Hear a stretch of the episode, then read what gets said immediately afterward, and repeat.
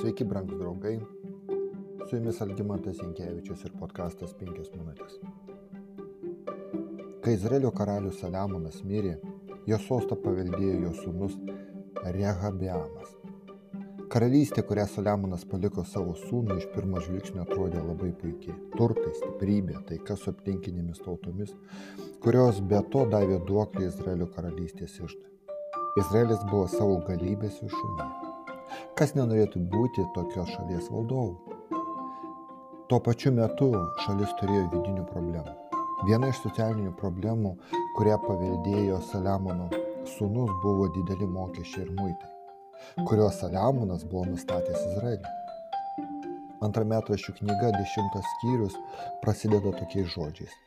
Rehabeamas nuvyko į Sichemą, nes ten visas Izraelis buvo suėjęs paskelbti jį karalių.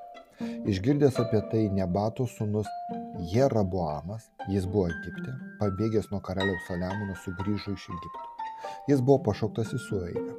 Taigi Jeroboamas ir visas Izraelis atėjo ir kalbėjo Rehabeamui. Tavo tėvas uždėjo mums sunku jungą. Tad dabar palengvink savo tėvo kietą lažą bei jau uždėtą sunku į jungą ir mes tau tarnausime. Jis atsakė jiems, ateikite pas mane vėl po trijų dienų žmonės įsiskėsti. Saliamono sūnus turbūt nežinojo, ką daryti, todėl nusprendė skirti laiko konsultacijai pasitarti. Žmonėm nuėjus karalius tarėsi su senųjūnais, kurie buvo tarnavę jo tėvui, dar jam gyvam esant, klausdamas, kaip jūs patarėte atsakyti šiems žmonėms. Tai yra labai geras principas mums visiems. Jei situacija ar problema, ar reikalas a, reikia, kuriam reikia mūsų sprendimo yra sudėtingas, neskubėkime daryti sprendimų remiantis tik savo galvą, savo patirtimi ir žinojimu, ypač kai nežinome, ką daryti. Karalius Dovydas taip pat turėjo patarėją ir jam reikėjo patarimų. Dovido dėdė Jehonatanas, išmintingas žmogus ir raštininkas, buvo patarėjas. Pirmą metą šių 27 skyrius. Rehabeamui reikėjo asmenų, kurie turi panašios patirties ir jie galėtų padėti patarimais. Juk tie, kurie konsultuojasi, gauna išminties. Patarlių 13 skyriuje yra parašyti tokie žodžiai. Kvailas žmogus įžulumus sėja vaidus, o išmintis atitenka priemantiems patarimą. Rehobeamas kreipėsi į tos žmonės, kurie buvo jo tėvo Saliamono patarėjai. Šie žmonės turėjo patirties, todėl neprašė laiko pagalvoti. Karaliaus klausimas jiems buvo aiškus ir jie greitai atsakė. Jie jam pasakė, atsakydami jie kalbėjo, jei būsi geras šiems žmonėms ir patenkinsi juos, maloniai su jais kalbėdamasis, jie bus tavo tarnai amžinai. Naujasis karalius turėjo atsižvelgti į šį patarimą ir nusileisti prieš pasipiktinusius žmonės. Seniūnų duoto patarimo jis nepaisė, bet tarėsi su tais jaunais vyrais, kurie buvo su juo augę, o dabar jam tarnavo.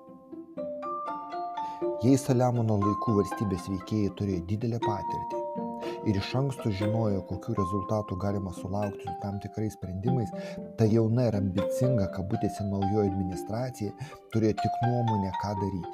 Taip, jie buvo jauni, jie buvo ambicingi, jie neieškojo žodžių kišenėje, jie norėjo save realizuoti ir jie pasiūlė. Ir jų patarimas, jų pasiūlymas karaliui išreiškė jėgos ir galios poziciją. Ir šioje situacijoje jis buvo be galo neprotingas. Jaunieji vyrai kartu su juo augę atsakė jam, taip turi kalbėti žmonėms, kurie tau sakė, tavo tėvas padarė mūsų jungą sunku, bet tu turi jį mums palengvinti. Pasakyk jiems, mano mažylis pirštas storesnis už mano tėvų juosmenį. Taigi mano tėvas uždėjo jums sunku jungą, o aš dar pridėsiu prie jūsų jungo. Mano tėvas plakė jūs botagais, o aš plaksiu jūs skorpionais. Nenuostabu, kad kai Rehameamas paskelbė žmonėms savo sprendimą, jis parado didžiąją, didžiąją, atsiprašau, savo šalies dalį. Tik Dovido giminė liko ištikimo Dovido namams. Žmonės reagavo labai aršiai, piktai ir visos giminės, išskyrus jų darbinėmis, atsiskyrė ir suformavo atskirą šalį ir jie pavertė iš Egipto grįžusi Jeroboamą savo karaliumi.